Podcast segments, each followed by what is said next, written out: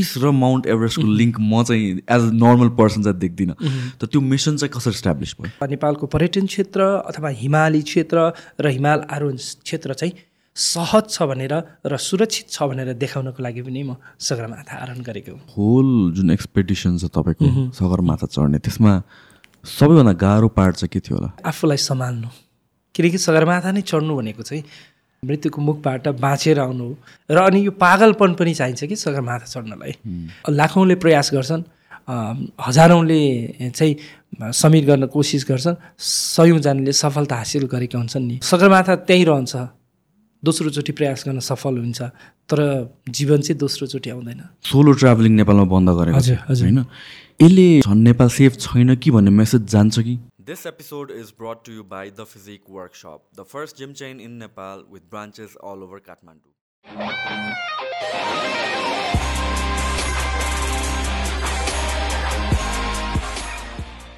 So first of all congratulations Mount Everest चढेर आउनुभयो। कस्तो फिल हुँदो रहेछ? हस् thank you very much Sagarmatha आफैमा एउटा च्यालेन्ज हो।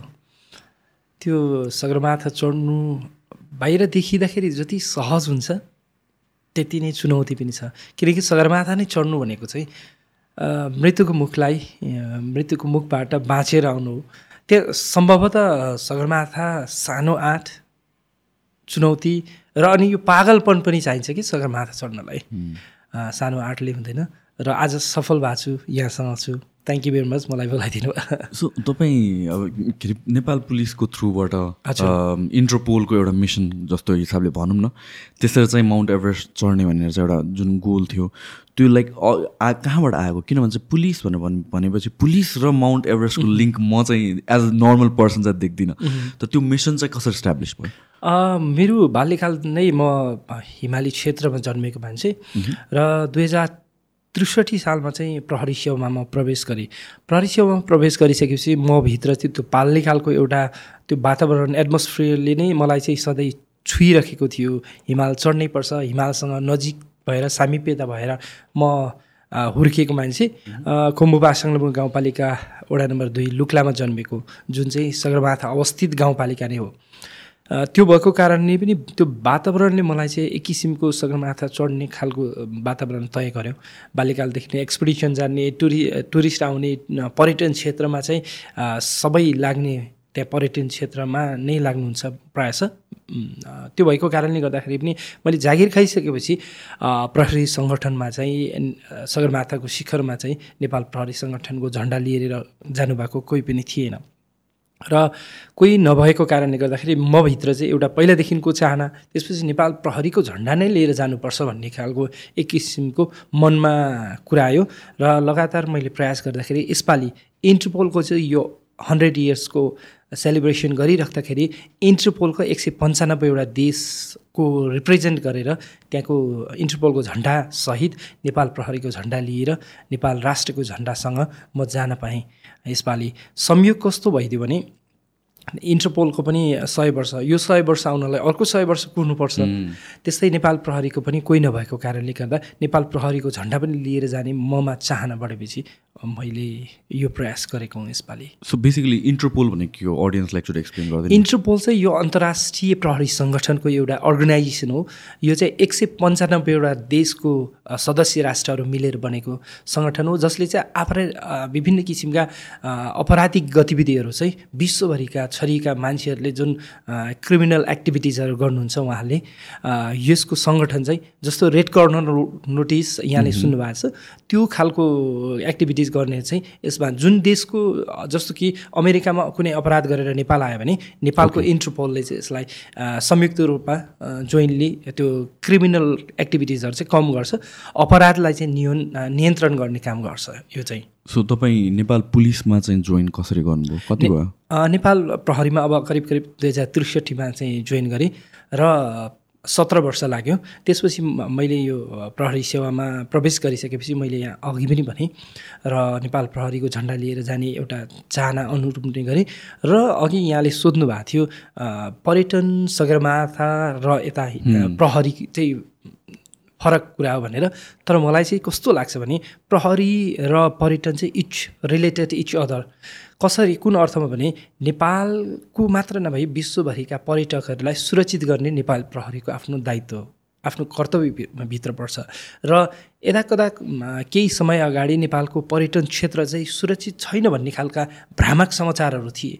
र नेपाल प्रहरीको त्यो कुराको कारणले गर्दाखेरि चाहिँ नेपाल प्रहरीले चाहिँ पर्यटन क्षेत्रलाई पनि सुरक्षित छ भनेर एक किसिमको देखाउनु थियो। र पर्यटकहरूलाई र पर्यटन क्षेत्रमा काम गर्नेहरूलाई चाहिँ सुरक्षित महसुस गराउनको लागि पनि नेपाल प्रहरीको दायित्व भित्र पर्छ। किनकि सुरक्षा आम शान्ति सुरक्षा चाहिँ नेपाल प्रहरीको धर्म हो।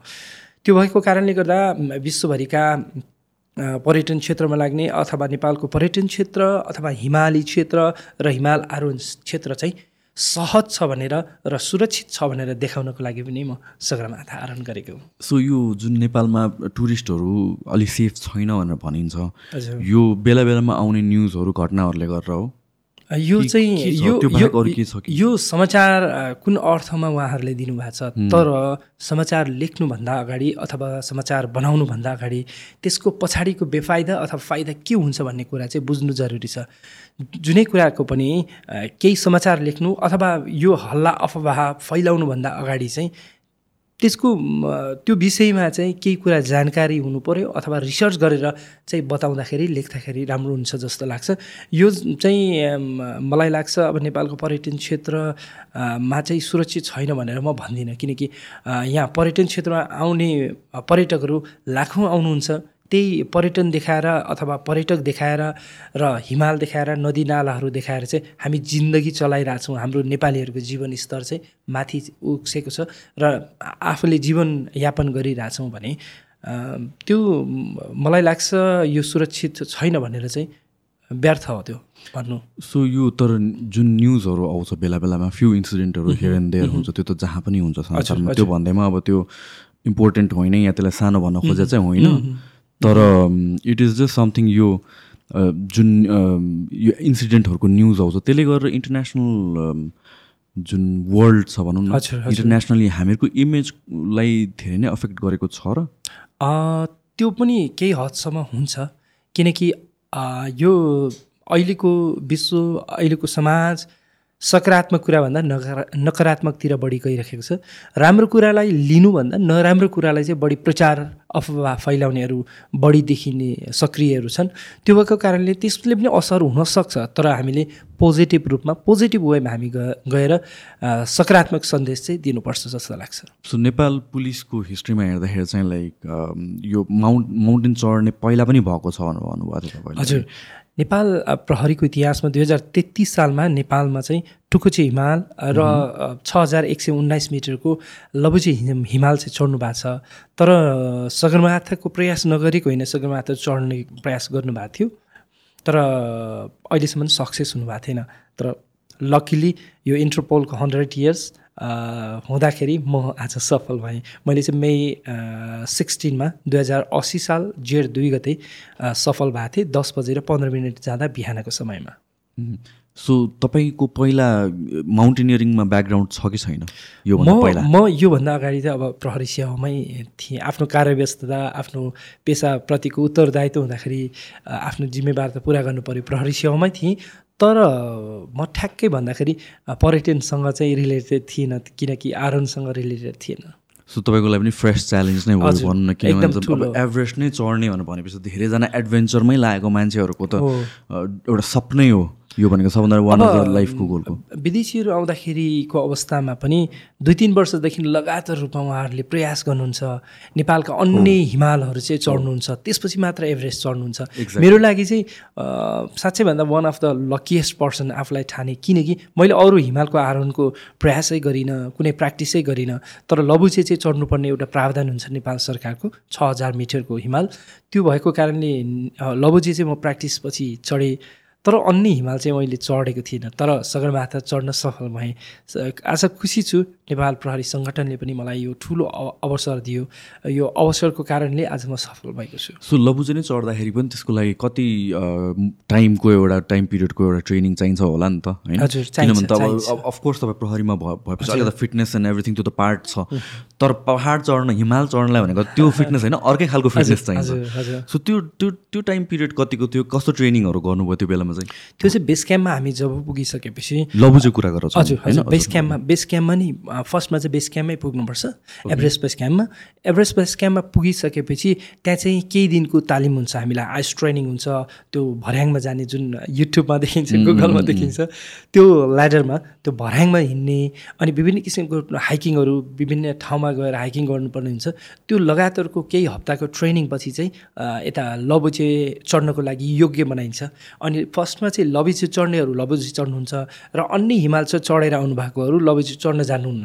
तर अ, म चाहिँ त्यो ट्रेनिङ सकेपछि लबुजे चढ्न गएको थिएँ। लबुजे पनि सेम यता एभरेस्ट जस्तै रातिको समयमै जानुपर्छ। राति हामी बाह्र बजे गएका थियौँ। राति बाह्र बजेपछि लगातार लगातार हिँड्नुपर्छ उकालो डोरीको भरमा नै हिँड्नुपर्छ। र बिहानको समयमा हामी करिब करिब सात बजे लब्जे पिकमा पुगेका थियौँ। तर त्यो एकदम कल्पना गर्दा पनि डर लाग्छ कि? त्यति भिड लगातार हिँड्नुपर्छ। त्यो झुमर जुन फलामको समात्ने भाग हुन्छ त्यो झुमरको भरमा मात्र लगातार आठ नौ घन्टा दस बाह्र घन्टा हिँड्दाखेरि त काली नै लाग्छ। सो यो जुन फर्स्ट टाइम तपाईँले चढ्नुभयो त्यो चढ्दाखेरि लाइक सर्टन सर्ट टाइमको लागि मात्र ट्रेनिङ भयो नि त बेस क्याम्पमा तर त्यसले चाहिँ पुग्छ त्यो त्यो चढ्नको लागि? होइन यता लबुजीको लागि चाहिँ अब फिजिकली फिट हुनुपर्छ अनि मेन्टली फिट हुनुपर्छ अनि त्यो ट्रेनिङ भन्नाले ठ्याक्कै त्यही ट्रेनिङ भन्दा पनि त्यहाँ गएर त्यहाँको वातावरणसँग घुलमिल गर्नुपर्छ। अनि त्यो लेख लाग्ने भन्छ नि अक्सिजनको लेयर कम हुन्छ। अनि त्यसलाई बिस्तारै एडजस्ट गरिसकेपछि त्यसपछि चाहिँ जानुपर्छ। सो झन्डै झन्डै कति टाइमको त्यो एडजस्टमेन्ट पिरियड हुन्छ होला? सुरुदेखि जाँदाखेरि त एक डेढ महि- महिना नै बस्नुपर्छ। एक डेढ महिनापछि मात्रै। तर लबुजे चढ्नलाई चाहिँ त्यहाँ दस पन्ध्र दिनपछि जाँदाखेरि नै त्यो वातावरणसँग घोलमिल हुँदै जानुपर्छ। जाँदाखेरि नै तल लुक्लादेखि नै। तर हामी चाहिँ लुक्लाबाट हेलिकप्टरमै नाम्ची गयौँ। नाम्चीमा दुई दिन बस्यौँ। र यसरी नै बिच बाटोमा चाहिँ रोकिँदै त्यो ठाउँमा बस्दै गएपछि चाहिँ सजिलो हुन्छ। आफूलाई हेल्थमा पनि सजिलो हुन्छ। अनि अक्सिजनको लेयर कम हुँदै गयो भने चाहिँ तर मेरो त एभरेस्ट बेस क्याम्पमा पनि सिक्सटी फाइभमा पुगेको थियो घटेर। तर पनि फेरि आफूलाई यसो आत्मबल पुस गरेँ आत्मबल आत्मबल चाहिन्छ सबैभन्दा। मेन्टल्ली फिजिकल्ली चाहिँ स्ट्रङ हुनुपर्छ नत्र त गाह्रै हुन्छ। सो यो राति नै चढ्ने कारण के हो? यो राति नै चढ्नु पर्ने चाहिँ खास चाहिँ लबु लबुजी पनि त्यो भयो। र खुम्बु आइसफल र लास्टको फाइनल समिट गर्ने बेला चाहिँ क्याम्प फोबाट चाहिँ एभरेस्ट समिटको लागि जान्छ। र राति नै चढ्नुपर्ने कारण चाहिँ एक्ज्याक्टली भन्दाखेरि दिउँसोको समयमा चाहिँ घाम लागेको हुन्छ। घामले गर्दा त्यो हिउँहरू पग्लिन सक्छ एभेलेन्जहरू आउन सक्छ त्यो जुन हिम पहिरोहरू आउन सक्छ ठुल्ठुला हिउँका र बरफका ढिकाहरू हुन्छ क्या त्यो यो घरभन्दा ठुला ठुला। अनि त्यो चाहिँ कतिखेर झर्छ भने टुङ्गा हुँदैन। त्यो अलिकति मेल्ट हुन्छ नि पग्लिन सक्छ। त्यो भएको कारणले राति चाहिँ सुनसान हुन्छ अलिक चिसो हुन्छ त्यो समयमा जान सकिन्छ। लुबुजी चढ्दाखेरि चाहिँ तपाईँको चाहिँ टिममा कतिजना हुन्थ्यो मेरो नौजना हुनुहुन्थ्यो विदेशीहरू सबै विदेशी हुनुहुन्थ्यो। गाइड भन्ने पनि हुन्छ? गाइड हुन्छ। जस्तो कि शेर्पा हुनुहुन्छ विशेष गरी शेर्पा भनेको त शेर्पा अ, जाति भन्दा पनि त्यो पेसामा जसले गाइड गर्नुहुन्छ जसले असिस्ट गर्नुहुन्छ त्यो हो। तर पहिलादेखि आएको र पहिलादेखि नै गर्नुहुने चाहिँ शेर्पा समुदाय नै बढी हुनुहुन्छ। त्यो भएको कारणले पनि शेर्पा शेर्पा भन्ने चलन भयो। र मसँग नौजना हुनुहुन्थ्यो। लबुजी चढ्ने चाहिँ। लबुजी चढिसकेपछि चाहिँ उहाँहरू सबै सातजना चाहिँ त्यहीँबाट हेलिकप्टरमा काठमाडौँ आउनुभयो डाइरेक्ट। र मसँग एभरेस्ट समिट गर्ने अर्को एकजना लेडिज हुनुहुन्थ्यो इटालीको डान्सर उहाँ चाहिँ। उहाँ हुनुहुन्थ्यो। अनि उहाँ र म चाहिँ लबोजीको तल एउटा बस्ती छ बस्ने ठाउँ। माथिबाट हाई क्याम्पबाट तल फर्केर अनि लबोजेमा बसेर अनि फेरि बेस क्याम्प आएपछि फेरि हामी एभरेस्टको लागि प्र्याक्टिस गऱ्यौँ। सो चढ्दाखेरि त चढिन्छ। ओर्लिँदाखेरि रिस्क फ्याक्टर बढी हुन्छ कि हुँदैन? किनभने कतिवटा ठाउँमा रुखहरू नै या कुनै अप्ठ्यारो ठाउँमा पुग्न त पुगिन्छ। फर्किने कसरी भन्ने काइन्ड अफ एउटा त मेन्टालिटी हुन्छ नि त। यहाँले कस्तो त्यो रियल रियल सिनारियोलाई चाहिँ सोध्नु भयो त्यो फर्किँदा झन् खतरानाक हुन्छ. खतरा हुन्छ। किनकि हामी म जाँदाखेरि मेरो आफ्नो एक्सपिरियन्समा जाँदाखेरि त अगाडि हिँडिन्छ त्यो पनि फेरि कोही बेला राति पर्छ अगाडि हेरेपछि उकालो मात्रै देखिन्छ सजिलो हुन्छ डोरी तल म कहिले पनि पछाडि फर्केर हेरिने डरले के? त्यो पछाडि फर्केर हेऱ्यो भने त साँच्चै पनि त्यो त्यो स्थानमा हुने अथवा त्यतातिर पाइने त्यो हिमचु चितुवा पनि लड्ने जस्तो ठाउँ हुन्छ। एकदम भिर अत्याधिक भिर। त्यस डरै लाग्दो भिड। अब मन त साँच्चै भन्दाखेरि त्यो सोच्नै नसकिने कल्पना गर्नै नसक्ने हुन्छ। अनि मैले पछाडि कहिले हेरिनँ। हेर्ने आँट पनि गरिनँ। म नर्मली भिडियो फोटो खिच्न मा मन गर्ने मान्छे। मैले कहिल्यै सकिनँ कि त्यो दृश्य देखेर पनि। अनि मसँग कम फोटो भिडियोहरू क अलिक कम नै छ। अनि फर्कँदाखेरि झन् गाह्रो पनि हुन्छ। किनकि ओह्रालो डाइरेक्ट ओह्रालो। चिप्ल्यो भने त एउटा डोरीको भरमा हो। डोरीमा लक लगाएर ओह्रालो झर्नुपर्छ चिप्लिने कतिखेर अनि कतिखेर भिरबाट लडियो भने त फेरि त्यो डेड बडी पनि पाइँदैन नि कता हो कता तर राम्रै सफल भएँ किनकि त्यो सफल हुनको लागि कम्पनीको पनि ठुलो रोल रहन्छ। मसँग चाहिँ अब वर्ल्ड रेकर्ड होल्डर मिङमा डेभिड शेर्पा आफै यङ्गेस्ट समिटर हुनुहुन्छ फोर्टिन पिक्स अब के टूको विन्टर पिक चाहिँ चढ्नु भएको उहाँले समिट गर्नुभएको। त्यस्तै नि निर्मल पूर्जा हुनुहुन्थ्यो मिङमा डेभिडले चाहिँ तल बेस क्याम्पमा बसेर हामीलाई गाइड गर्नुभयो सपोर्ट गर्नुभयो। अनि निर्मल दाई चाहिँ हामीसँग हुनुहुन्थ्यो निम्स दाई चाहिँ हामीसँग लिडरसिपमा हुनुहुन्थ्यो माथि। समन्वय गर्ने चाहिँ तल मिङमा डेभिड हुनुहुन्थ्यो। उहाँहरूको साथ सहयोग र उहाँहरूको जोसले गर्दा पनि त्यो टिमको चाहिँ हन्ड्रेड पर्सेन्ट सक्सेस हुन्छ क्या सधैँ? सो यो दुइटै माउन्टेन चढ्दाखेरि सेम नै team same same same team okay so कतिको डिफ्रेन्समा चाहिँ चढ्नु भएको लाइक लबुचेबाट एभरेस्ट लबुजी त सुरुमा गएपछि एक हप्ता ट्रेनिङ एक हप्ता जति पछि म लबुजी चढेँ। त्यसपछि चाहिँ फर्केर करिब करिब पच्चिस बिस पच्चिस दिनको चाहिँ पिरियड थियो होला त्यो फरक। अनि त्यसपछि चाहिँ यता एभरेस्ट समिटको लागि पुस गर्नु फर्स्टमा चाहिँ रोटेसनमा जानुपर्छ। एक रोटेसन गरेर क्याम्प थ्रीसम्म पुग्नुपर्छ। रोटेसन रोटेसन ए अराउन्ड त्यो होइन। त्यो एभरेस्टसम्म जानलाई फर्स्ट रोटेसन भन्छ। जस्तो कि camp one camp two camp थ्रीसम्म कोही गएर पुगेपछि फेरि समिट गर्नको लागि त्यहाँ त्यो वातावरणसँग घुलमिल गरेर अनि फेरि फर्किनुहुन्छ बेस। क्याम्पमै। अनि बेस क्याम्पमा बसेपछि दुई चार दिनको कोही कोही त काठमाडौँमै आउनुहुन्छ कोही नाम्चीमा कोही लुग्लामै बस्नुहुन्छ। त्यो अनि त्यसपछि अक्सिजनको लेभल एकदम कम हुन्छ माथि रोटेसनमा गएपछि। अनि तल आएपछि अलिकति इनर्जी पनि बुस्टअप हुन्छ अनि अक्सिजन पनि हाई हुँदै जान्छ। अनि त्यसपछि मात्रै जानुहुन्थ्यो। मलाई संयोग यसपालि चाहिँ मैले रोटेसन गरिसकेपछि एकैचोटि सब्मिट गर्नको लागि तयारी हालतमा चाहिँ म पुगेँ। मलाई निम्स दाईले पहिलो ग्रुपमै हाल्नुभयो। हाम्रो यो जुन कम्पनीबाट म गएँ लाइट ग्रुप यो निम्स दाई निर्मल पूर्जा आफैमा कृतिमानी त्यस्तै मिङमा डेभिड शेर्पा हुनुहुन्छ उहाँ आफैमा कृतिमानी व्यक्तित्व हुनुहुन्छ उहाँहरू। उहाँहरूकोमा चाहिँ अलिकति अरूभन्दा भिभिआइपीहरू चाहिँ धेरै आउनुहुने मैले महसुस गरेँ। जस्तो यसपालि पनि हाम्रो ग्रुपमा म फर्स्ट ग्रुपमा जाँदाखेरि कोही अवस्थामा चाहिँ पहिलो ग्रुपमै त्यहाँ चाहिँ आर्मीका ठुला ठुला पदका व्यक्तिहरू पनि आउनु भएको थियो। यहाँ चाहिँ उहाँको आफ्नो जेट विमान चाहिँ एयरपोर्टमै राखेर जानुभयो। अर्को चाहिँ अमेरिकाकै मेयर साहब पनि आउनु भएको थियो। त्यस्तै अब कतारकै राजकुमारीहरू पनि आउनु भएको थियो। आर्मीका अरू अरू अन्य अन्य दाजुभाइ बाहेक पनि अन्य पनि आउनु भएको थियो। जस भिभिआइपीहरू आउनु भएको थियो। त्यो भएको कारणले पनि अलिकति सुरुकै ग्रुपमा परेर सक्सेस छिटो भयो। अरू अरूसँग त्यो धेरैजनाको क्राउडमा पनि पर्नु परेन कि? त्यो भएर पनि चाँडो सक्सेस भयो। र त्यो वातावरण त्यो एटमोस्फियर पनि सुविधा सम्पन्न क्या? अरू अरूभन्दा फरक लजिङ फुडिङकोदेखि लिएर सबै बस्न व्यवस्थित अरूभन्दा पनि एकदम सुविधा सम्पन्न नै थियो। सो यो जुन एभरेस्ट चढ्ने त अब मैले अघि भने जस्तै धेरैजना मान्छेको त लाइफ लङ ड्रिम नै हुन्छ। कतिजना त कतिजना त मल्टिपल ट्राइज गरेपछि सक्नुहुन्छ कतिजना त्यो पनि सकिँदैन होइन?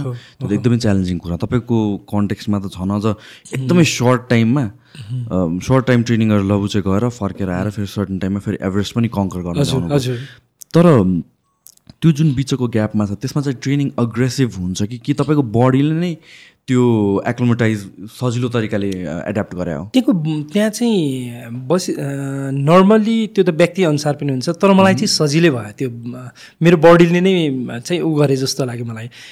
किनकि म नगएको त पच्चिस वर्ष जति भयो त्यो बेल बेल्टमा तर जाँदाखेरि पनि आफ्नो फिजिकल्ली उसले पनि होला जस्तो लाग्यो म धेरै ट्रेनिङ गर्नु परेन नि मलाई। ट्रेनिङ गर्नु परेन जे पनि सफल भए एभरेस्ट पनि समिट गरिसकेपछि जुन क्याम्प समिट हुन्छ लास्टमा समिट गर्दाखेरि पनि समिट गरेर फेरि म क्याम्प टूमै पनि आएँ एकैचोटि तल ओह्रालो झरेर। त्यो अर्थमा पनि मलाई सहज नै भयो। कि अनि एक किसिमले आफूलाई पनि लक्की ठानेको छु। सो चढ्ने प्रोसेसमा लाइक कस्तो हुन्छ? लाइक एक एकैचोटिमा त चढिँदैन? एभरेस्ट कसरी म एक रोटेसनमा गइसकेपछि? फेरि बेस क्याम्पमै झर्नु पऱ्यो। अनि केही दिनको विश्राम हुन्छ रेस्ट गर्नुपर्छ। त्यसपछि फेरि रातिको समयमै खुम्बु आइसफलबाट जाने हो। अनि खुम्बु आइसफलबाट गएर क्याम्प वानमा बस्नुभन्दा पनि क्याम्प टूमा चाहिँ नर्मली सबैजना बस्नुहुन्छ। अलिक क्याम्प वानमा भन्दा टूमा चाहिँ अलिक सुविधा सम्पन्न छ। बस्नको लागि पनि खानको लागि पनि सुविधा सम्पन्न हुनुहुन्छ। त्यहाँ कुकहरू बस्नुहुन्छ। टेन्टहरू पनि व्यवस्थित छ। र क्याम्प टूबाट चाहिँ क्याम्प थ्रीमा बस्नुहुन्छ। फेरि त्यो क्याम्प थ्री चाहिँ एकदम भिरालो जमिन छ। एकदम भिरालो जमिनमा अलिकति बस्न योग्य बनाएर स्लोप बनाएर बस्न योग्य बनाएको हुन्छ। सो यो क्याम्पहरूमा चाहिँ कति टाइमको लागि बसिन्छ तपाईँको वान नाइट ओके पुगेको दिन। जस्तो कि क्याम्प फर्स्ट रोटेसन गरिसकेपछि क्याम्प टूमा पुग्नु पुगेपछि एक दिन बस्नुपर्छ एक नाइट बस्नुपर्छ। सो फर्स्ट रोटेसन चाहिँ वान गोमै क्याम्प थ्रीसम्म पुग्छ। क्याम्प थ्रीमै कोही क्याम्प थ्री कोही क्याम्प टूसम्म पुग्नुहुन्छ। कति टाइम लाग्छ त पुग्नु? त्यो त अब थ्री डेज त भइहाल्यो नि। Three days. एउटा एउटा एउटा क्याम्पमा एक दिन वान डे हो। अनि त्यसपछि क्याम्प वान र टूको भाग चाहिँ फेरि फ्ल्याट छ सम्म छ। तर त्यो केकको भाग जस्तो छ क्या जुन केकको भाग जस्तो सम्म छ तर नजिकको डिस्टेन्समा अनि हेर्दाखेरि नजिक भयो भने पुग्नलाई गाह्रो छ क्या त्यहाँ। ओके। पुग्नै गाह्रो छ। अनि लगातार फेरि अत्याधिक गर्मी हुन्छ त्यहाँ। गर्मी? गर्मी। त्यो ठाउँमा चाहिँ क्याम्प वान र टूको भाग चाहिँ अत्याधिक गर्मी हुन्छ। घाम मात्रै लाग्यो भने पनि सामान्य घाम लाग्दाखेरि पनि अत्याधिक गर्मी हुन्छ। त्यसपछि क्याम्प टूमा अलिक सुविधा सम्पन्न हुन्छ। क्याम्प टूबाट चाहिँ बिहानको समयमा अथवा ब्रेकफास्ट गरेपछि बिहान पाँच छ बजे सात बजेसम्म अगाडि हिँडिसकेपछि हेर्दाखेरि नजिक देखिन्छ तर जान चाहिँ गाह्रो हुन्छ। अनि दुई तिन घन्टा हिँडिसकेपछि त्यसपछि चाहिँ क्याम्प थ्रीको जुमर पोइन्ट भन्ने हुन्छ त्यो डोरी जोइन गरेको ठाउँ हो त्यो। त्यो चाहिँ त्यसपछि चाहिँ लगातार रूपमा उकालो मात्रै चढ्नुपर्छ त्यो डोरीमा झुन्डिएर डोरीमा झुन्डिएर त्यो फलामको सहायताको भरमा एउटा लक हुन्छ फलामको जुमर त्यो त्यसको भरमा लगातार अगाडि बढ्ने मात्रै हो। देख्नलाई नजिक देखे पनि अब करिब करिब सात आठ घन्टा चाहिँ लगातार हिँड्नुपर्छ। क्याम्प थ्रीबाट? क्याम्प थ्री पुग्नलाई। थ्री पुग्नको लागि नै। टु- टुबाट त। अनि त्यसपछि त्यहाँ तपाईँले चाहिँ सामान्य खानेकुराहरू आफैले बनाएर मतलब आफ्नो असिस्ट गर्ने शेर्पा हुनुहुन्छ गाइड हुनुहुन्छ। उहाँसँग बसेर अब क्याम्प थ्रीमा चाहिँ फेरि अलिकति कन्जस्टेड हुन्छ। एउटै टेन्टमा पनि तिन चारजनासम्म बस्नुपर्ने हुन्छ। त्यो वातावरणमै त्यस्तो छ। र बस्नलाई धेरै टेन्टहरू राख्ने ठाउँ पनि छैन। त्यो भएको कारणले विदेशी नेपाली मिलेरै बस्नुपर्छ। अनि आफैले सामान्य रूपमा खानाहरू पकाएर खाने हुन्छ। हामीलाई सहयोग गर्ने सहयोगीहरूले त्यो गरिदिनुहुन्छ। अनि क्याम्प थ्रीमा बसिसकेपछि बिहान हामी चाहिँ बिहानको साढे पाँच बजे हिँडेका थियौँ। क्याम्प थ्रीबाट त्यही भिरालो जमिनमै बस्ने हो फेरि भिरालो जमिनबाटै सुरु गर्ने। लगातार डोरी डोरी चाहिँ छोड्नै भन्दा सबैभन्दा सेफ्टी लक लगाएर डोरी चाहिँ छोड्नै हुँदैन त्यो लगातार अगाडि बढ्ने। त्यसपछि क्याम्प फोरमा पुगिन्छ। क्याम्प फोरमा पुग्दाखेरि बिहान साढे पाँच बजी हिँडेको त्यो खानु पनि छैन। जे जे आफूले अब खानेकुराहरू डाइटिङका चक्लेटहरू माउन्टेन विभिन्न किसिमका खानेकुराहरू पाइन्छ त्यो चाहिँ आफूले बोकेको हुन्छ पानी पनि आफैले बोकेको हुन्छ अनि त्यो जहाँ जहाँ रेस्ट गर्दै खाने मात्रै कि। त्यस्तो तरिकाले बसेर आरामले खाने भन्ने नै छैन। जति छ त्यति नै खाने। त्यसपछि लगातार हिँड्दा हिँड्दा करिब करिब हामी क्याम्प फोमा बिहान साढे पाँच बजी हिँडेको क्याम्प फोमा पुग्दा दिउँसोको तिन बजा थियो। अनि न- क्याम्प फोमा चाहिँ के हुन्छ भने नर्मली हामी पुग्दा अत्याधिक हावा। बस्नै सक्ने छैन। मान्छे चिन्ने र बस्ने वातावरण छैन।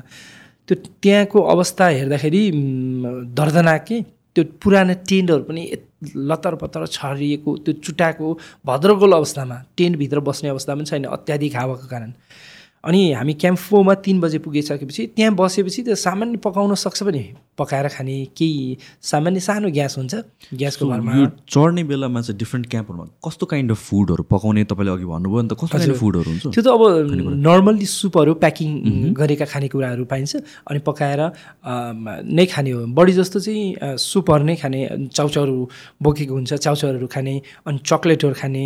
अनि इनर्जी त्यो जेलहरू खाने त्यस्तो हुन्छ। अनि क्याम्फोमा मैले भन्दै थिएँ अनि क्याम्फोमा पनि त्यस्तै हो। क्याम्फोमा पनि सुप सुप बनाएर खाने अनि त्यसपछि रेडी टु मुभ हालतमा बस्नुपर्छ क्याम्फोमा जस्तो कि जति चाँडो गयो त्यति रेस्ट गर्न पाइन्छ त्यहाँ। अनि सुत्ने त अब त्यो हावाले वातावरणले अब साँच्चै भन्दा पनि खानेकुराहरू पनि त्यस्तो राम्रो हुँदैन। भन्नाले अब पेट अगाउँजी मजाले अरू खानेकुरा खाए जस्तो हुँदैन। मतलब इनर्जीको लागि मात्रै खाने बाँच्नको लागि मात्रै खाने। अनि त्यसपछि यहाँ त्यहाँ अत्याधिक हावाको कारण हामी तिन बजे सामान्य उ गरिसकेपछि नर्मल्ली त्यहाँ आरोहणको लागि जाने भनेको चाहिँ रातको नौ बजे दस बजे एघार बजे निस्किनुहुन्थ्यो। तर हामी चाहिँ त्यो हावाको कारण निस्कनै सकेनौँ। र एक आपसमा त्यो समन्वय गर्ने पनि बाहिर निस्किने सम्भावनै छैन। अनि त्यो सेटबाट रेडियो सेटबाट सम्पर्क गरेर हाम्रो निर्मल पूर्जा निम्सदाई हुनुहुन्थ्यो। उहाँले सम्पर्क गरेर रातिको समयमा हामी करिब करिब दुई बजी मात्रै समिटको लागि निस्केको थियौँ। अलि हाम्रो चाहिँ ढिलो भयो तर पनि लक्कीले हामी माथि समिट गऱ्यौँ चाँडै पुग्यौँ। म मेरो टाइम चाहिँ म दस बजी पुगेको थिएँ माथि। साढे नौ दस बजी भनौँ न। लगभग सात आठ घन्टा चाहिँ चढ्न लाग्छ मजा लाग्छ मजाले लाग्छ लाग्छ। लगातार त्यो चाहिँ फेरि रातिको समयमा हिँड्नु पऱ्यो रातिको समय त केही देखिँदैन फर्कँदा मात्रै देखिने हो। समिट गर्दा चाहिँ बिहानको समय हुन्छ। अति सुन्दर त्यो सबैभन्दा सुन्दर स्वर्ग खोज्न चाहिँ त्यहाँ मात्रै देखिन्छ। मैले स्वर्गको त्यो अनुभव गरेँ अनुभूति गरेँ किनकि सगरमाथाको शिखर त्यहाँ त्यो के पनि हुँदैन।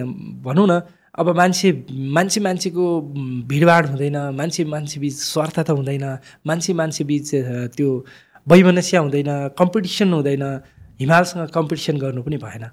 अनि त्यहाँ आफ्नै दुनियाँ आफ्नै संसार र आफ्नै लगातार चाहिँ प्रकृतिसँग मात्रै रम्ने त्यो साँच्चै भन्दाखेरि यति स्वर्गीय आनन्द कहीँ पनि पाइन्न। त्यो दुःख त्यो थकान सबै शिखरमा पुगेपछि बिर्सिन्छ क्या त्यहाँ। त्यहाँ पुगेपछि कति बेर जस्तो बसिन्छ कि इमिडिएटली फर्क होइन बस्छन् त्यहाँ बस्ने कसैले अब पानी पनि खानुहुन्छ अब कसैले अब चक्लेटहरू आफूलाई इनर्जी गेन गर्नको लागि उ गर्नुहुन्छ कि फेरि फर्किनु पनि पर्छ। हो। फर्किनु पनि पऱ्यो त्यो भएको कारणले हामी चाहिँ करिब करिब पन्ध्र मिनट जति बस्यौँ। म सुरुमा पुग्ने साथ त्यहाँ अब त्यो सबैभन्दा खतरनाक फेरि त्यो तेन्जिङ हिल्लारी स्टेप छ माथि डेड जोन छ।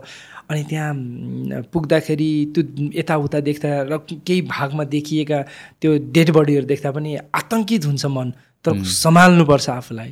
जुन उद्देश्यले जुई जुन एउटा सबैको चाहना अनुसार आफू अघि बढिरहेको छु एउटा जिम्मा लिएर अघि बढिसकेपछि आफूले त्यो पुरा गर्नुपर्ने हुन्छ। अनि ती कुराहरू सब बिर्सेर पनि आफूलाई कठोर बनाएर अघि बढ्नुपर्ने हुन्छ। सो एभरेस्टमा रिस्की पार्ट चाहिँ के हो? के कारण? किनभने त जुन भन्नुभयो सेफ्टी गियरहरू हुन्छ हामीले पिनहरू गर्दै गइरहेको हुन्छ।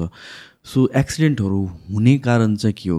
गियरको फेलियर हो कि कि मान्छेकै मिस्टेकले गरेर हुन्छ कि? त्यो त जो आफै आरोहण गर्नुहुन्छ जो समिटको लागि जानुहुन्छ उहाँ आफ्नो पनि मिस्टेक हुन्छ। एक अर्को त त्यहाँको वातावरण पनि अक्सिजनको लेभल मेन चाहिँ अक्सिजन लेभल कम हुन्छ। अत्याधिक हावाहुरी भइहाल्यो। अनि त्यसको कारणले पनि मान्छे त्यहाँ अलिक जोखिम हुने कारण हो त्यो। अक्सिजन हामी लिएर जाँदैनौँ? अक्सिजन चाहिँ सप्लिमेन्ट्री हो होइन? कसैले चाहिँ सप्लिमेन्ट्री पनि खान नसक्ने हुन्छ कि त्यहाँ। ए हो र? हो। क्याम्प थ्रीदेखि हामीले ट्वेन्टी फोर आवर्स नै हामीले अक्सिजन ल्याउनुपर्छ कसैले चाहिँ अक्सिजन पनि त्यही भएको कारणले त अक्सिजन लगाउँदाखेरि पनि कसैलाई त्यो गाह्रो हुन्छ नि। अक्सिजन लगाउँदा पनि उसले लिनै सक्दैन कि? त्यो त गाह्रो भइसकेपछि अक्सिजन लगाउँदाखेरि नसक्ने हो कि सुरुदेखि नै पनि नसक्ने हुन्छ कतिजना? सुरुदेखि त कसैको हुँदैन त्यस्तो। त्यस्तो हुँदैन सुरुदेखि हुँदैन क्याम्प थ्रीदेखि मात्रै अक्सिजन क्याम्प हजुर क्याम्प थ्रीमै पुग्दाखेरि पनि कोही चाहिँ अब भनौँ न अलिक गाह्रो स्थितिमा पुगिसक्यो। हजुर। त्यो बेला अक्सिजन लगाउँदाखेरि नलिने हो कि? होइन गाह्रो भयो भने अक्सिजन लिँदा कसैले सक्नुभयो भने चाहिँ जानुहुन्छ। न त त्यहाँ क्याम्प थ्रीबाटै फर्किनुहुन्छ उहाँलाई किनकि जसले उहाँलाई असिस्ट गरेको गाइड हुनुहुन्छ शेर्पा हुनुहुन्छ उहाँले फर्काउनुहुन्छ। किनकि सगरमाथा त्यहीँ रहन्छ। दोस्रोचोटि प्रयास गर्न सफल हुन्छ। तर जीवन चाहिँ दोस्रोचोटि आउँदैन। जीवन त एकचोटि आउँछ अन्त्य भयो भने अन्त्य हुन्छ नि त। त्यो भएको कारणले दोस्रोचोटि चाहिँ जीवनसँग कहिले प्रयास नगरी हुन्छ। सो तपाईँलाई फर्स्ट चो फर्स्टमै भनौँ न प्रायर एक्सपिरियन्स नभएको बेलामा जस्ट एउटा माउन्टेन चढिसक्नु भएको थियो होइन त्यो त्योभन्दा अगाडि पनि त्यत्रो धेरै त एक्सपिरियन्स थिएन। All of a sudden Everest चढ्छुहरू भन्दाखेरि तपाईँले सुरुमा सोच्दाखेरि चाहिँ एभरेस्ट एकैचोटिमा चढिन्छ जस्तो कतिको कन्फिडेन्ट हुनुहुन्थ्यो? सुरुमा त डर पनि लाग्थ्यो किनकि यहाँ दसौँचोटि सगरमाथा चढ्नेहरू पनि चाहिँ फेलर भएर असफल भएर निस्किया छ नि त एघारौँचोटिको प्रयासमा। उसले चाहिँ अब सफल नभएर मात्रै होइन कि जी त्यो जीवन गुमाउनु पनि परेको छ। यो अवस्था गर्दाखेरि कहिलेकाहीँ त सक्छु होला जस्तो लाग्थ्यो। मेन्टली म किनकि म एउटा पोजिटिभ चाहिँ सकारात्मक रूपमा चाहिँ अगाडि बढेको थिएँ। मैले सधैँ सकारात्मक सोचिरहेको हुन्थेँ। एक हिसाबमा म सक्छु जस्तो लाग्थ्यो। अर्को हिसाबमा चाहिँ म सक्दिनँ होला जस्तो लाग्थ्यो। किनकि अ, प्रकृतिलाई हामीले एउटा नदी होस् नाला होस् हिमाल होस् पहाड होस् प्रकृतिलाई हामीले देवीको रूपमा लिन्छौँ एउटा आस्थाको रूपमा पनि लिन्छौँ। त्यो भएको कारणले गर्दाखेरि पनि हामीले आस्थाको रूपमा पनि लिनुपर्छ। त्यो सम्मान पनि गर्नुपर्छ प्रकृतिलाई। यो अर्थमा पनि कहिलेकाहीँ चाहिँ डर लाग्थ्यो। प्रकृतिको कतिखेर के हुन्छ थाहा हुँदैन नि त। अब एकैचोटि योभन्दा केही वर्ष अगाडि मात्रै चाहिँ खुम्बायस फलमा चाहिँ त्यतिजनाहरू धेरै बित्नु भएको थियो होइन? त्यो अवस्थाले पनि प्रकृतिसँग कहिले पनि युद्धमा हो भने अथवा लडाइँको मैदानमा चाहिँ जित या हार निश्चित छ। दुई कुरामा एक कुरा हुन्छ। तर प्रकृतिसँग त कहिले पनि युद्ध गर्न सकिँदैन। प्रकृतिसँग कहिले पनि जित्नै सकिँदैन। पौडा जोडी गर्नै सकिँदैन प्रकृतिसँग। त्यो भएको कारणले डर पनि लाग्थ्यो ममा। एभरेस्ट एभरेस्टको पपुलारिटीको कारण के हो? अब of course it's the highest peak होइन? तर इन टर्म्स अफ डिफिकल्टी चाहिँ सबभन्दा डिफिकल्ट चाहिँ एभरेस्ट हो र अब यसको मेन एट्र्याक्सन चाहिँ के हो एभरेस्टको यो ठ्याक्कै भन्दाखेरि यसको अब त्यो आफआफ्नो पर्सपेक्टिभ हुनसक्छ।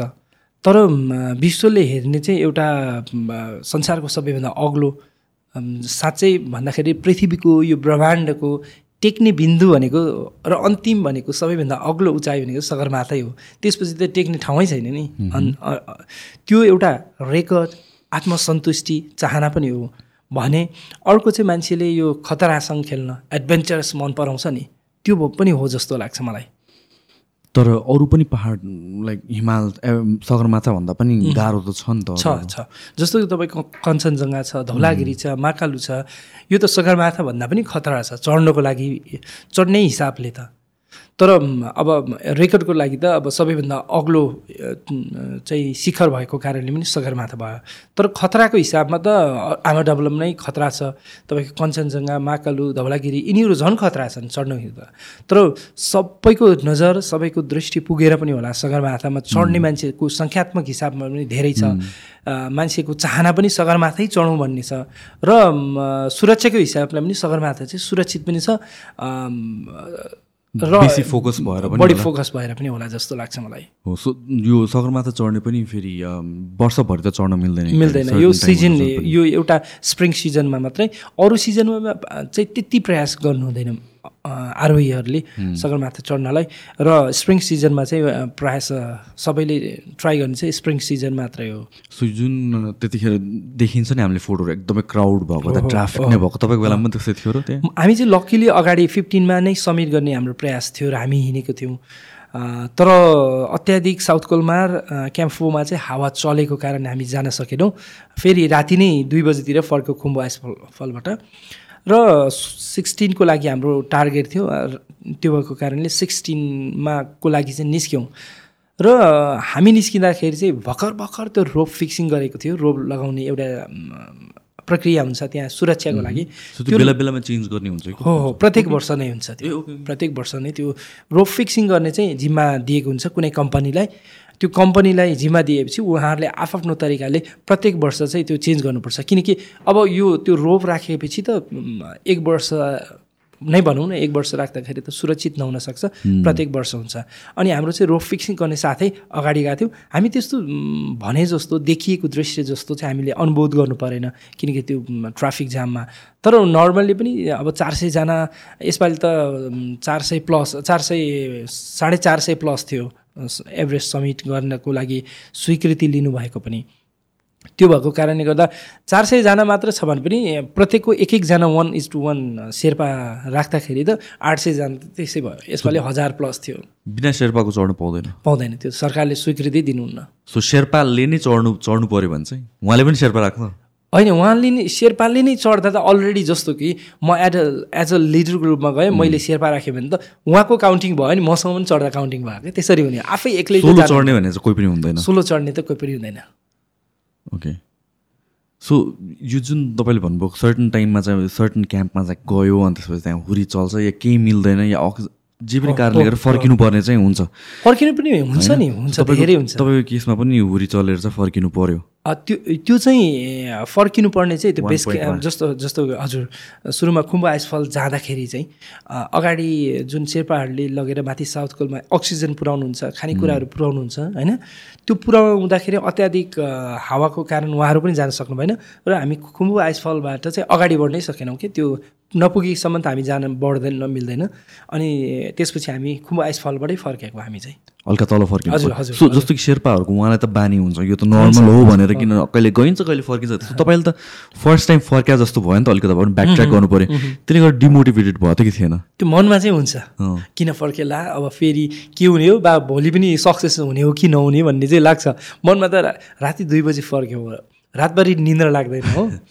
अनि फेरि त्यो त्यहाँको क्षेत्रमा प्रयास प्रयास गर्नेले त गर्नु म चाहिँ धेरै सोचेर पनि होला डर पनि लाग्यो। अब खाना पनि खाना मन नलाग्ने निन्द्रा पनि नलाग्ने। अनि एकातिर फेरि घरमा सानै छोरी छिन् मेरो। अब छोरीको याद परिवारको याद माया त छँदैछ। मैले करिब करिब मैले जहाँ पनि यो भन्ने गरेको छु मैले एक महिना मेरो छोरीको फोटो हेरिनँ कि। किनकि मलाई म पनि त सामाजिक प्राणी हो परिवारसँग अट्याच भएर बस्ने परिवारसँग यति माया ममता भएर परिवारसँग बसेको हुन्छु। अनि एक महिना मैले फोटो हेरिनँ कि एक महिना फोटो नहेर्दा चाहिँ आँसु मात्रै आउँथ्यो। किनकि म म पनि त पेसाले नेपाल प्रहरी सङ्गठनको सदस्य भए पनि प्रहरी भए तापनि मभित्र पनि मुटु माया छ। मभित्र पनि एउटा हृदय छ परिवारसँग जोडिएको छ आत्मीयता छ नि त। होइन? मेरो पनि सन्तान छ छोरा छ छोरी छ। त्यो भएर गाह्रो चाहिँ अत्याधिक गाह्रो हुन्छ भावनात्मक रूपमा पनि पारिवारिक रूपमा पनि। र म म केही गीत सङ्गीतहरू पनि सृजना गर्न मन लाग्छ। मैले तिन चार वर्ष अगाडि एउटा खुम्बु पासाङ गाउँपालिकाको गीत गरेको थिएँ। त्यो चाहिँ अफिसियली पर्यटनसँग रिलेटेड। अर्को चाहिँ मैले सगरमाथा र आरोहीकै गीत गरेको थिएँ। राजेश पाइले गाउनुभएको वरिष्ठ सङ्गीतकार राजु सिंहले सङ्गीत दिनुभएको। त्यो गीत त्यतिखेर मैले त्यतिखेरको मेरो चाहिँ कल्पना थियो। मेरो परिकल्पनाभित्रको गीत थियो। तर अहिले सम्झिँदाखेरि त्यो गीत मैले साँच्चै न्याय गरेँ जस्तो लाग्यो कि त्यतिखेर। किनकि अहिले मैले अनुभव गर्न पाएँ नि अनुभव भयो त्यो गीतभित्रको शब्दले मलाई अहिले चाहिँ मलाई छुयो। त्यतिखेर मैले कल्पना गरेर अरूसँग चाहिँ सरसल्लाह गरेर अरूको परिकल्पनाभित्र मैले रचना गरेको थिएँ। तर त्यो आरोहीको कथा कस्तो हुँदो रहेछ अथवा हिमाल आरोहण कस्तो रहेछ हिमाल कस्तो रहेछ भन्ने अहिले अनुभव गरेँ। अनि त्यो गीतलाई साँच्चै भन्दाखेरि मैले न्याय गरेँ जस्तो लाग्यो। किनकि त्यो गीतको शब्दहरूले परिवार छोड्दाको पीडा अथवा एउटा जिम्मेवार देशको नागरिक भइसकेपछि मेरो कर्तव्य के हो देशको झन्डा लिएर म जाँदैछु के गर्नुपर्छ भन्ने। तर परिवारभन्दा माथि सङ्गठन हुन्छ सङ्गठन र राष्ट्रको झन्डा अनि फेरि इन्टरनेसनल्ली एउटा इन्टरनेसनल्ली मैले इन्टरपोलको झन्डा लगेँ। जहिले पनि व्यक्तिभन्दा माथि देशको झन्डा राष्ट्रियता र राष्ट्र हुन्छ। अनि त्यो मैले चाहिँ मनमा सधैँ लिएँ। अनि म परिवार के हो भने मैले त्यो फोटो एक महिना नहेर्नुको कारण परिवार सामर्थ्य हो ताकत पनि हो र कमजोरी पनि हो। मैले त्यो मेरो सानो छोरीको फोटो सधैँ हेरेर बस्न थालेको भए म सक्दिनँ सफल हुँदिनँ थिएँ। त्यो भएको कारणले गर्दाखेरि परिवार एक किसिमले ताकत पनि हो र कमजोरी पनि हो। सो सगरमाथा चढ्ने भनेर जुन बेला तपाईँले डिसाइड गर्नुभयो र त्यो घरमा भन्दाखेरि त्यतिखेरको उहाँहरूको रियाक्सन कस्तो थियो? सुरुको यो सुरुमा त एक्सेप्टै भएको थिएन। एक्सेप्ट भएको थिएन। मैले कन्भिन्स गरेँ धेरै कन्भिन्स गर्दा गर्दा। किनकि म परिवारको एउटा जिम्मेवार व्यक्ति हो। मसँग आश्रित परिवार छन्। म म त एउटा खम्बा हो नि त परिवारको लागि। म आय स्रोत हो। मैले परिवारलाई पाल्नुपर्छ। मेरो छोरीलाई पाल्नु पऱ्यो छोरालाई पाल्नु पऱ्यो अनि मेरो श्रीमती अ, लाई पाल्नु पऱ्यो त्यो आफ्नो ठाउँमा छ। तर भोलि परिवारमा चाहिँ स्कुलको फी तिर्न खोज्ने बेला अथवा स्कुलको बिल घरमा आउँदाखेरि यदि म नहुँदो हो त के अवस्था हुन्छ? घरमा तेल सकिँदाखेरि चामल सकिँदाखेरि यदि म नहुँदोको अवस्था के हुन्छ? त्यो कुरा त मनमा धेरै हुन्छ धेरै हुन्छ। अनि मैले कुरा गर्दाखेरि सुरुमा भएन अनि मैले कन्भिन्स गरेँ यो त एउटा अवसर पनि हो। किनकि एक सय पन्चानब्बे एउटा देशलाई चाहिँ मैले एउटा मैले नेतृत्व गरेर जाँदैछु रिप्रेजेन्ट गर्दैछु। एक सय पन्चानब्बे दे वटा देशकोले चाहिँ मलाई सम्झनु भएको छ म प्रतिको आशा छ। त्यसपछि नेपाल प्रहरीको असी हजार प्रहरी सङ्गठनको आशा छ र नेपाल राष्ट्रको आशा छ। किनकि नेपाल र नेपालीको सान चाहिँ विश्वभरि कति गौरवमय इतिहास छ नेपाल प्रहरीको नेपाल प्रहरी अनि नेपालीहरूको। त्यो चाहिँ अब साँच्चै भन्दाखेरि नेपालभित्र रहेको नेपाल एउटा चाहिँ सगरमाथा छ।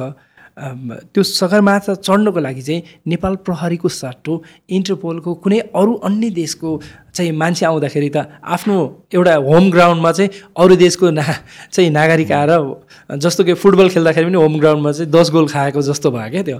अनि हामी नेपाली भएर आफ्नो नेपालभित्र रहेको हिमाल चाहिँ अन्य व्यक्तिले चढ्दाखेरि पनि त लज्जाबोध छ हाम्रो एउटा इतिहास छ हामीभित्र एउटा गर्व छ।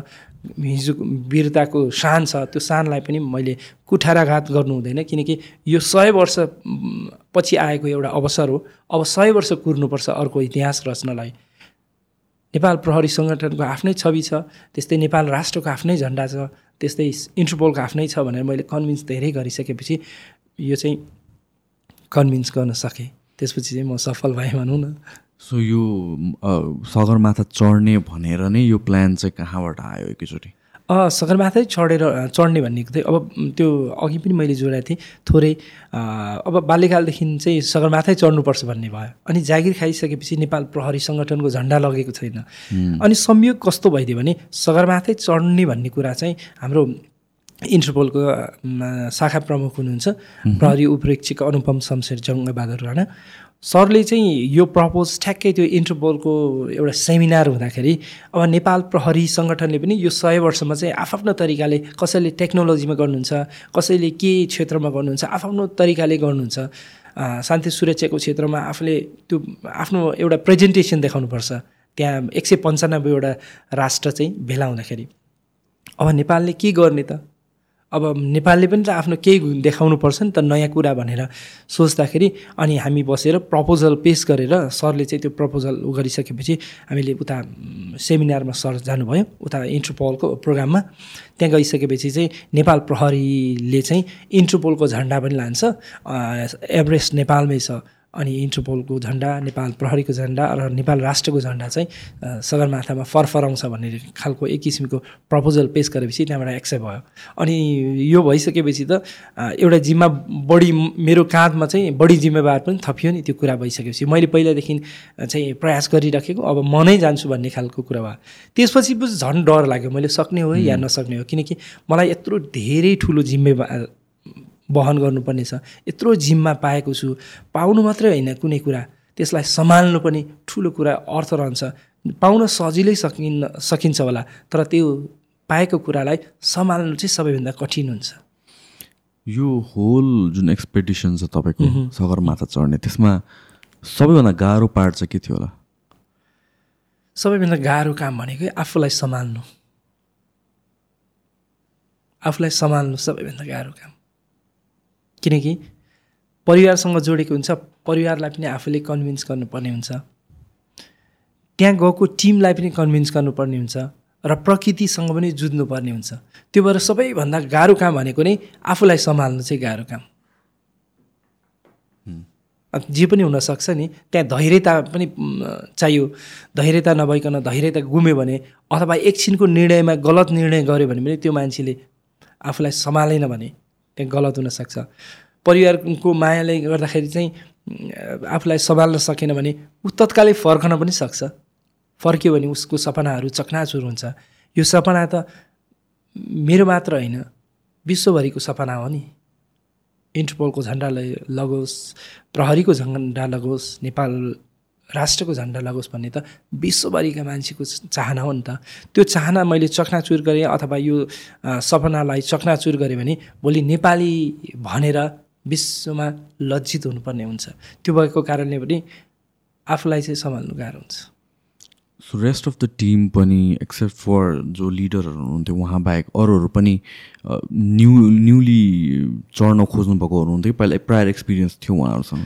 नर्मली पनि विदेशीहरूले चाहिँ अन्य अन्य हिमालहरू पनि जस्तो कि हाम्रै टिममा पनि अन्य हिमाल धौरा धौलागिरी कञ्चनजङ्घा महाकालु चढेर आउनु भएको थियो। अब त्यसमा नयाँ त करिब करिब त्यो पनि फेरि नेपाली नेपालबाट जाने नेपालीहरू मा चाहिँ म मात्रै थिएँ कि। अनि उहाँहरूले कतिजनाले त तपाईँ सक्नुहुन्छ चढ्न भन्नुहुन्थ्यो। उहाँहरूसँग किन अनुभव छ? अन्य हिमाल पनि आठ हजारभन्दा बढी हिमालहरू पनि चढ्नु भएको हुन्थ्यो। विदेशीहरू विदेशीहरू फेरि दुई तिन वर्षदेखि लगातार उहाँहरूले प्रयास गर्नुहुन्थ्यो नि त आरोहणको लागि। अब हामी त साँच्चै भन्दाखेरि त्यो माटो नै खाएर हुर्केको हाम्रो प्रत्येक नसा नसामा प्रत्येक रगतमा चाहिँ त्यहाँको माटो र सुगन्ध थियो। त्यो भएर पनि आँट चाहिँ थियो ममा। सो यो जुन एक्सपेडिसन एउटा सक्सेसफुल भयो यसपछि यो सकिसकेपछि तपाईँलाई अरू पनि चढ्न मन लाग्छ कि छैन कि? अरू पनि गरौँ जस्तो भएको छ होइन म म मलाई त्यो हजुरले भन्नुभएको जस्तै मनमा चाहिँ लाग्दो रहेछ। अब अब चाहिँ एकचोटि स्वाद पाइसक्यो एकचोटि स्वाद पाइसकेपछि अब खतरासँगै खेल्नुपर्छ अब यो नयाँ केही कृतिमान राख्न के सकिन्छ भन्ने खालको एक किसिमको मनमा चाहिँ त्यो चाहिँ हुँदो रहेछ। तर अब फेरि हाम्रो अब पेसाको कुरा हुन्छ। परिवारको कुरा हुन्छ अघि यहाँले सोध्नु भएको जस्तो परिवारले स्वीकृति नदिन पनि सक्छ। अनि मैले कहिलेकाहीँ कुरा गर्दाखेरि अब फोर्टिन पिक्सका कुराहरू हुन्छन् अब सातवटा महादेशका सातवटा पिक्सहरू छन् हिमालहरू छन् आरोहण गर्ने कि के भनेर कहिलेकाहीँ यसो इन्डाइरेक्टली सल्लाह गर्दाखेरि अब सन् संसारको सबैभन्दा अग्लो सगरमाथै चढिसकेपछि अब अन्य किन चढ्नु पऱ्यो भन्ने खालको कुरो हुन्छ। तर अब चाहिँ यो चाहिँ सुरुवात जस्तो लाग्छ क्या मलाई? अब चाहिँ रहर लाग्छ मनमा रहर जागेर आउन थाल्यो। किनभने पहिला सुरु फ्यामिलीलाई कन्भिन्स गर्नुभन्दा अगाडि पनि आफूलाई कन्भिन्स गर्नु पऱ्यो नि त। किनभने त्यो रिस्क त देख्नु भएको छ तपाईँले। अल द त्यो at the end of the time त्यो सक्सेसफुल भइसकेपछि त्यो स्विट टेस्ट अफ भिक्ट्री भन्छ नि त्यो त छँदैछ। तर जुन त्यो एडभेन्चर छ जुन रिस्क छ त्यसैले गरेर त्यो एक्साइटिङ भएर जाने हो। तर एट द सेम टाइम त्यो रिस्कलाई इग्नोर त गर्न मिल्दैन। मिल्दैन। सो त्यो सेकेन्ड थट तपाईँलाई इन जेनरल आउँछ कि आउँदैन कि यत्रो रिस्क त लियो धन्न सक्सेसफुल भयो तपाईँ भन्नुभयो नि त अघि पनि लकी भएको फर्स्ट टाइममै भनेर। सो त्यो लक जहिले पनि साथ दिन्छ कि दिँदैन भन्ने त्यो नेगेटिभ नेगेटिभ थट्सहरू चाहिँ आउँछ कि आउँदैन आउँछ। अवश्य पनि आउँछ। तर सधैँ सधैँ हजुरले भन्नुभएको जस्तो सधैँ त्यसरी हुँदैन। सधैँ जुन त्यो जोस त्यतिखेरको त्यो आत्मबल थियो नि बलि नआउन पनि सक्छ नि। समय त त्यो फेरि सबैभन्दा सगरमाथा मात्र होइन हिमाल भनेको सबैभन्दा सहज मृत्यु स्थान चाहिँ सजिलो हुने ठाउँ हो कि? मृत्यु वरण गर्न सजिलो हुने ठाउँ हो। कसरी कसरी पनि मैले भने त्यो कुन अर्थमा हुँदो रहेछ भने त्यहाँ कतिखेर जाँदाखेरि अथवा कुन तरिकाले जाँदाखेरि त्यो जाँदा जाँदै पनि कतिखेर मान्छेको अन्त्य भइसकेको हुन्छ थाहा हुँदैन। त्यो भएर पनि हिमाल चाहिँ अलिक सहज एकदम सबैभन्दा सहज मृत्युवरण गर्ने ठाउँ जस्तो लाग्छ। तर यो हुँदाखेरि सबै मृत्युवरण हुन्छ अथवा सबै मृत्युको मुखमा पुग्छन् भन्ने पनि छैन। किनकि यहाँ आजसम्म हजारौँले चाहिँ आरोहण गरिसकेका छन्। यहाँ चाहिँ लाखौँले प्रयास गर्छन्। हजारौँले चाहिँ समिट गर्न कोसिस गर्छन् सयौँजनाले सफलता हासिल गरेका हुन्छन् नि। अनि यो आरोहण गर्नु भनेको चाहिँ एक किसिमको कला पनि हो र भाग्य पनि हो। बिना कला पनि चाहिँ आरोहण गर्न सकिँदैन र यो भाग्य छैन भने मैले अघि पनि भनेको थिएँ दसौँ पटक चढ्ने मान्छे सकुशल हुनसक्छ त्यही व्यक्ति एघारौँ पटक चढ्दाखेरि सफल नहुन पनि सक्छ। त्यो भएको अर्थमा पनि भाग्य पनि चाहिन्छ जस्तो लाग्छ मलाई। जस्तो कि वेदरहरू भने त्यो त कन्ट्रोल गर्नै सकेन सकिँदैन किनकि प्रकृति हो। प्रकृति त अब साँच्चै भन्दाखेरि संसारका मानव जातिले हेर्ने दृष्टि भनेको प्रकृतिलाई त देवीको रूपमै लिन्छन्। अनि प्रकृतिसँग त कहिले च्यालेन्ज गर्नै सकिँदैन। त्यो भएको अर्थमा अथवा त्यो भनाइले पनि म के भन्छु भने हामी कतिखेर के हुन्छ टुङ्गा हुँदैन नि। सो माउन्टेनियरिङको केसमा सबैभन्दा most important piece of advice चाहिँ के छ होला यो आम श्रोताहरूलाई भन्नुपर्दाखेरि अब हामीले आफ्नो तरिकाले अथवा आफ्नो जिम्मेवार र समाजको दायित्व रेस्पोन्सिबिलिटी के गर्ने भन्ने कुरा रहन्छ। सधैँ तपाईँले गरेको काम चाहिँ सकारात्मक रूपमा पनि सफल नहुन सक्छ। तर तपाईँले लगातार लाग्नुभयो भने सकारात्मक रूपमा गरेको काम चाहिँ तपाईँ सफल हुनुहुन्छ। र समाजमा आफ्नो दायित्व के पुरा गर्ने? अथवा हिमाली क्षेत्रकै कुरा पर्यटनकै क्षेत्रमा अथवा आफ्नो पेसाको क्षेत्रमा तपाईँले के दायित्व पुरा गर्नुपर्छ भन्ने कुरा चाहिँ ले अर्थ रहन्छ। र आफूले सकारात्मक रूपमा काम गर्नुभयो भने त्यो सबैको दायित्वभित्र पर्ने काम गर्नुभयो भने समाजको लागि केही उदाहरणीय बन्नुभयो भने पक्कै पनि सफल हुन्छ जस्तो लाग्छ। सो कमिङ ब्याक टु तपाईँको profession as a police Nepal प्रहरीमा। So Nepal प्रहरी as a unit as a organisation चाहिँ कसरी काम गर्छ? यो त अब आफआफ्नो एउटा प्रोटोकली प्रोटफुल्ली छ। मर्यादा क्रम अनुसार पनि काम गर्नुपर्छ। र समाजको लागि चाहिँ शान्ति सुरक्षा चाहिँ कायम गर्नु मुख्य हाम्रो चाहिँ उद्देश्य हो। र अपराध नियन्त्रण गर्नु पनि समाजमा अपराधिक जुन क्रिमिनल एक्टिभिटिजहरू भइराखेको छ त्यसलाई रिड्युज गर्ने हन्ड्रेड पर्सेन्ट सुरक्षा चाहिँ संसारमा कुनै पनि कुरामा हुँदैन।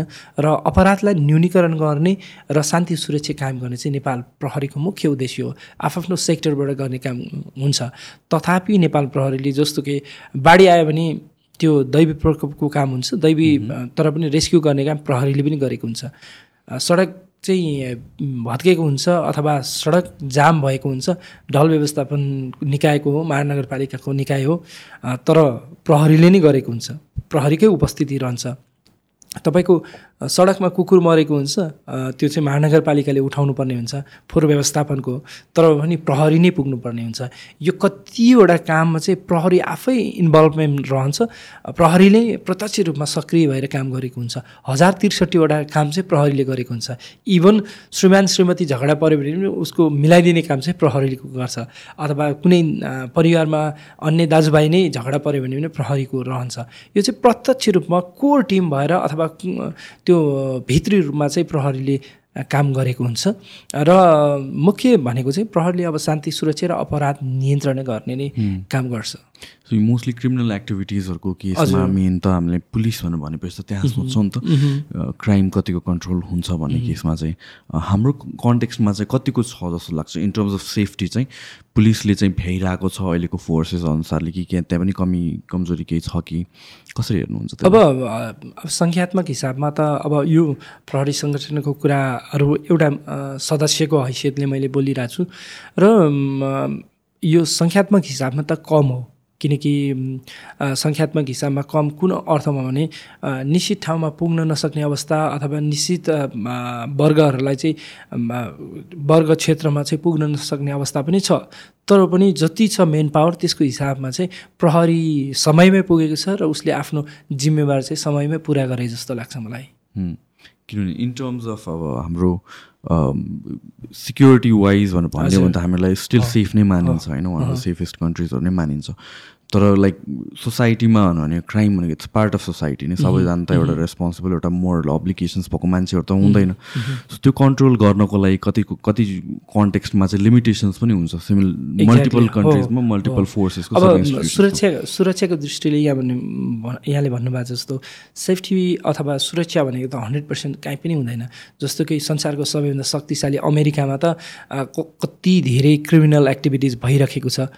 अमेरिकामा छ अथवा नेपालमा छैन भन्ने कुरा पनि रहँदैन। तर अमेरिकामा भइरहेको छ नेपालमा किन उ गर्छु भन्ने कुरा पनि रहँदैन।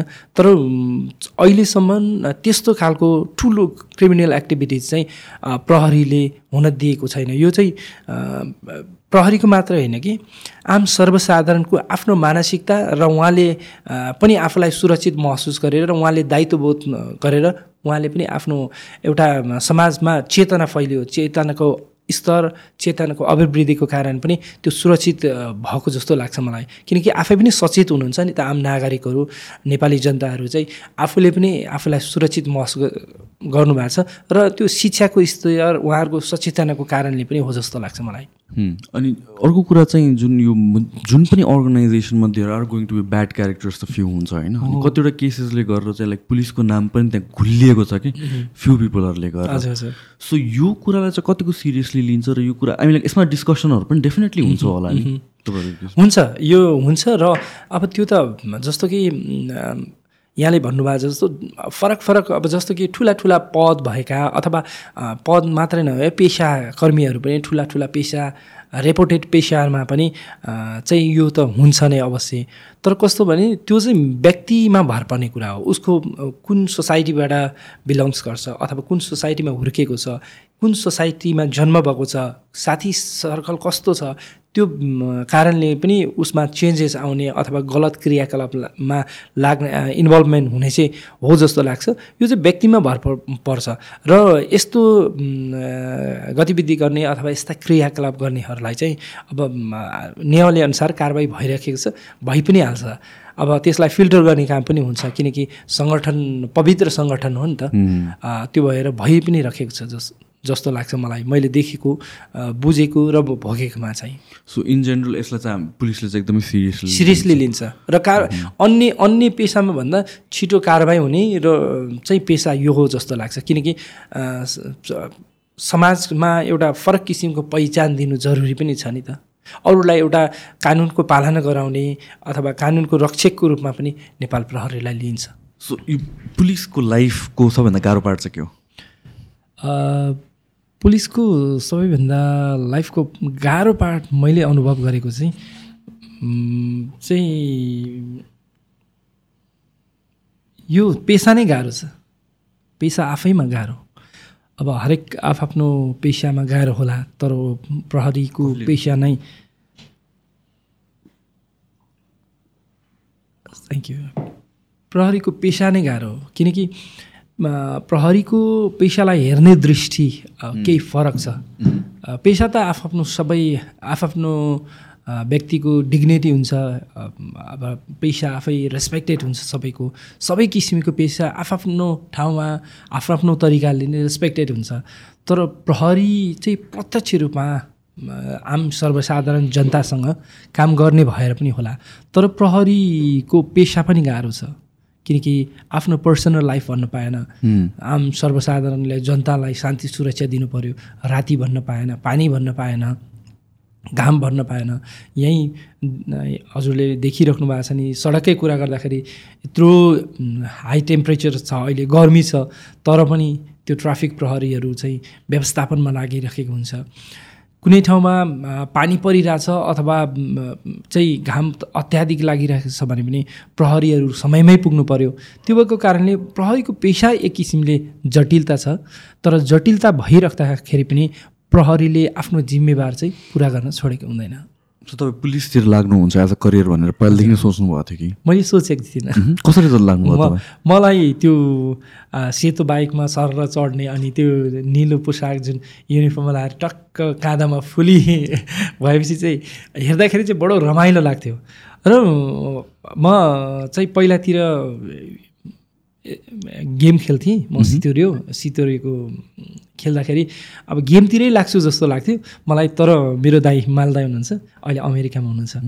उहाँले चाहिँ प्रहरीको यो बैसठी सालमा खुलेको थियो। त्यतिखेर आफूलाई त अब देशमा चाहिँ अलिकति कन्फ्लिक्ट भइरहेको थियो द्वन्द्व पनि थियो। त्यति जान मन लागेको थिएन। उहाँले फर्म लिएर ल ब्याचलर्स पढ्दै थिएँ। अनि ल अब असैमा भर तिमीले अब तिमी गेम सेम पनि खेल्छौ राम्रो हुन्छ भनेर फर्म ल्याइदिनु भएछ। अनि मलाई त्यति त्यतिखेर पनि चाहतै थिएन। तर पछि घरमा चाहिँ एउटा छोरो प्रहरी कानुनको रक्षक भए जस्तो ठान्ने चाहिँ मेरो स्वर्गीय माताश्रीले भनिसकेपछि मम्मीको चाहना पनि थियो। दाइले पनि फर्म ल्याइदिनु भयो। अब भर्छु भन्ने खालको एक किसिमको भएर मैले फर्म भरेको। लक्किली सफल भएँ त्यतिखेर पनि। जोइन गर्दाखेरि तपाईँले त्योभन्दा अगाडि जे सोच्नुभयो त्यस्तै थियो कि फरक पऱ्यो कि कस्तो हुन्छ? रियालिटी चाहिँ कस्तो? रियालिटी र जुनसुकै कुरामा पनि बाहिर देखिएको दृश्य र अनुभूत गर्दा फरक हुन्छ। जस्तो कि हिमालको आरोहणकै कुरा गरेँ मैले। हिमाल आरोहण बाहिर देख्दाखेरि कस्तो ए सकिन्छ सबैले सजिलै हुन्छ होला। जान त फिजिकल्ली मेन्टली फिट भयो भने भन्ने कुरा। त्यहाँ आर्थिक रूपमा पनि सबल हुनुपर्छ वेदरका कुराहरू हुन्छन् हरेक कुरा मिल्नुपर्छ माहौल। त्यस्तै प्रहरी सङ्गठनमा पनि देखिएको दृश्य र आफूले भो भोगेको भोगाइमा चाहिँ फरक हुन्छ। र अब मैले बाहिर देख्दाखेरि प्रहरी कस्तो होला भन्ने खालको हुन्थ्यो भने अहिले भोग्दाखेरि अब प्रहरीको कर्तव्य कस्तो रहेछ भन्ने कुरा अहिले अनुभूत गरेँ मैले आफैले भोगेको छु। प्रहरी यस्तो जिम्मेवार व्यक्ति रहेछ भन्ने कुरा पनि मैले अनुभूत गरेँ। प्रहरीले चाहिँ यतिवटा काम गर्नुपर्दो रहेछ भन्ने कुरा पनि अहिले चाहिँ बाहिर देखिएर प्रहरीलाई चाहिँ किन यस्तो गर्छ प्रहरीले भन्ने खालको हुन्थ्यो हिजो भने आज चाहिँ आफैले ए प्रहरी यस्तो भएको कारणले गर्दाखेरि समयमा चाहिँ त्यहाँ पुग्नुपर्ने रहेछ अथवा यो काम गर्नुपर्दो रहेछ भन्ने खालको चाहिँ आफूले अनुभव गरेको छु। बाहिर देखिएको दृश्य र आफ्नो भगाइ चाहिँ फरक हुँदो रहेछ। सो प्रहरीमा लाग्नु भएपछि पनि तपाईँले यो म्युजिकतिर पनि लाग्नुभयो। म्युजिकतिर चाहिँ कसरी लाग्नुभयो? अब जागिर खानुभन्दा अगाडि चाहिँ म आइए पढ्दाखेरि म्युजिक चाहिँ म्युजिक सिकेको म्युजिक विद्यार्थी। अनि म्युजिक रहर ममा एक किसिमको रहर थियो पहिलादेखि नै। अनि पहिल्यैदेखि नै कलम चलाउने यसो लेख्न मन लाग्ने साहित्यिक प्रोग्रामहरूमा भाग लिइराख्ने अनि प्रहरीमा पनि जोड जोइन गरेँ अनि पहिलादेखि नै त्यो रहर हुँदाहुँदै प्रहरीमा झन् सहज भयो। प्रहरीको टाइम मिलाएर आफूले अब प्रहरी भएपछि आर्थिक रूपमा पनि अलिअलि पैसा हुने नि त। अब तलबको केही कटाएर चाहिँ जुन महिनावारी तलब आउँछ तलबको पैसा कटाएर र पहिलो मेरो गीत गर्दाखेरि ठ्याक्कै यो म जोड्न चाहेँ। पहिलो गीत गर्दाखेरि सन्चै कोषको पैसा झिकेर मैले पहिलो गीत गरेको थिएँ।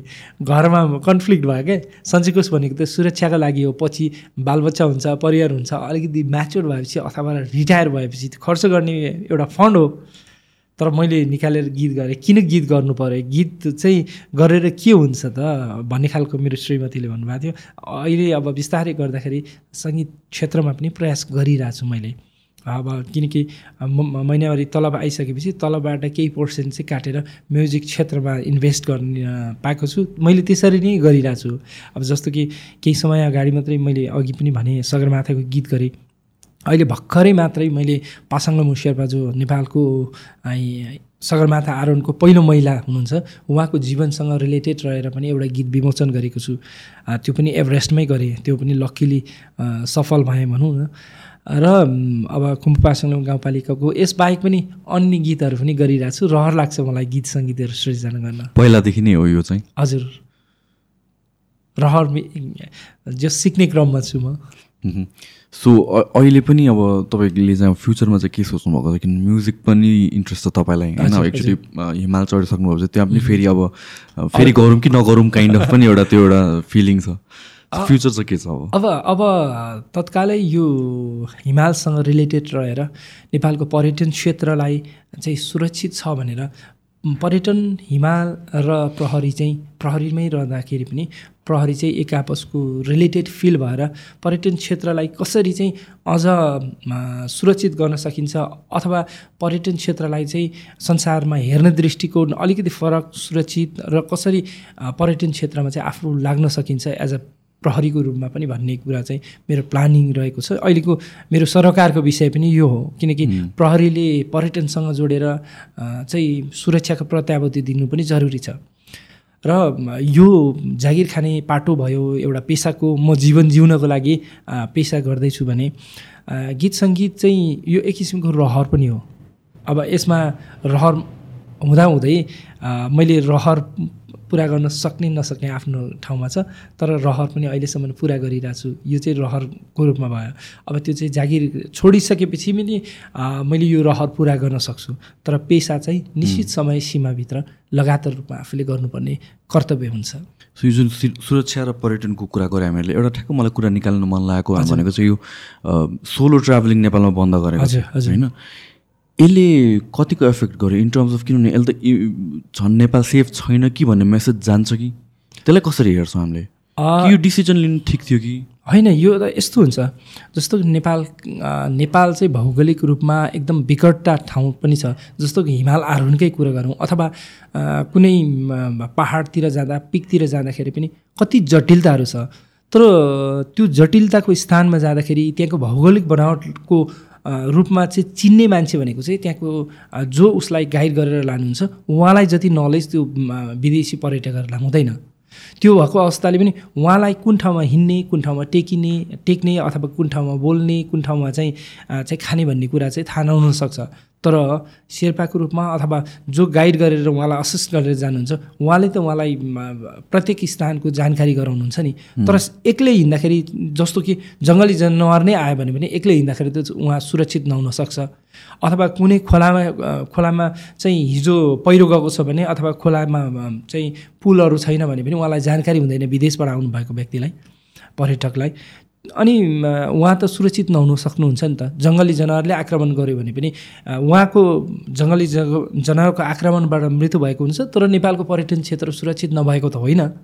त्यो त आक्रमणबाट हो नि त जङ्गली जनावरको। अनि उहाँलाई जोगाउने काम त यदि उहाँसँग कोही चाहिँ गाइड जानुभयो भने सुरक्षित हुन्छ। त्योको कारणले जरुरी चाहिँ छ।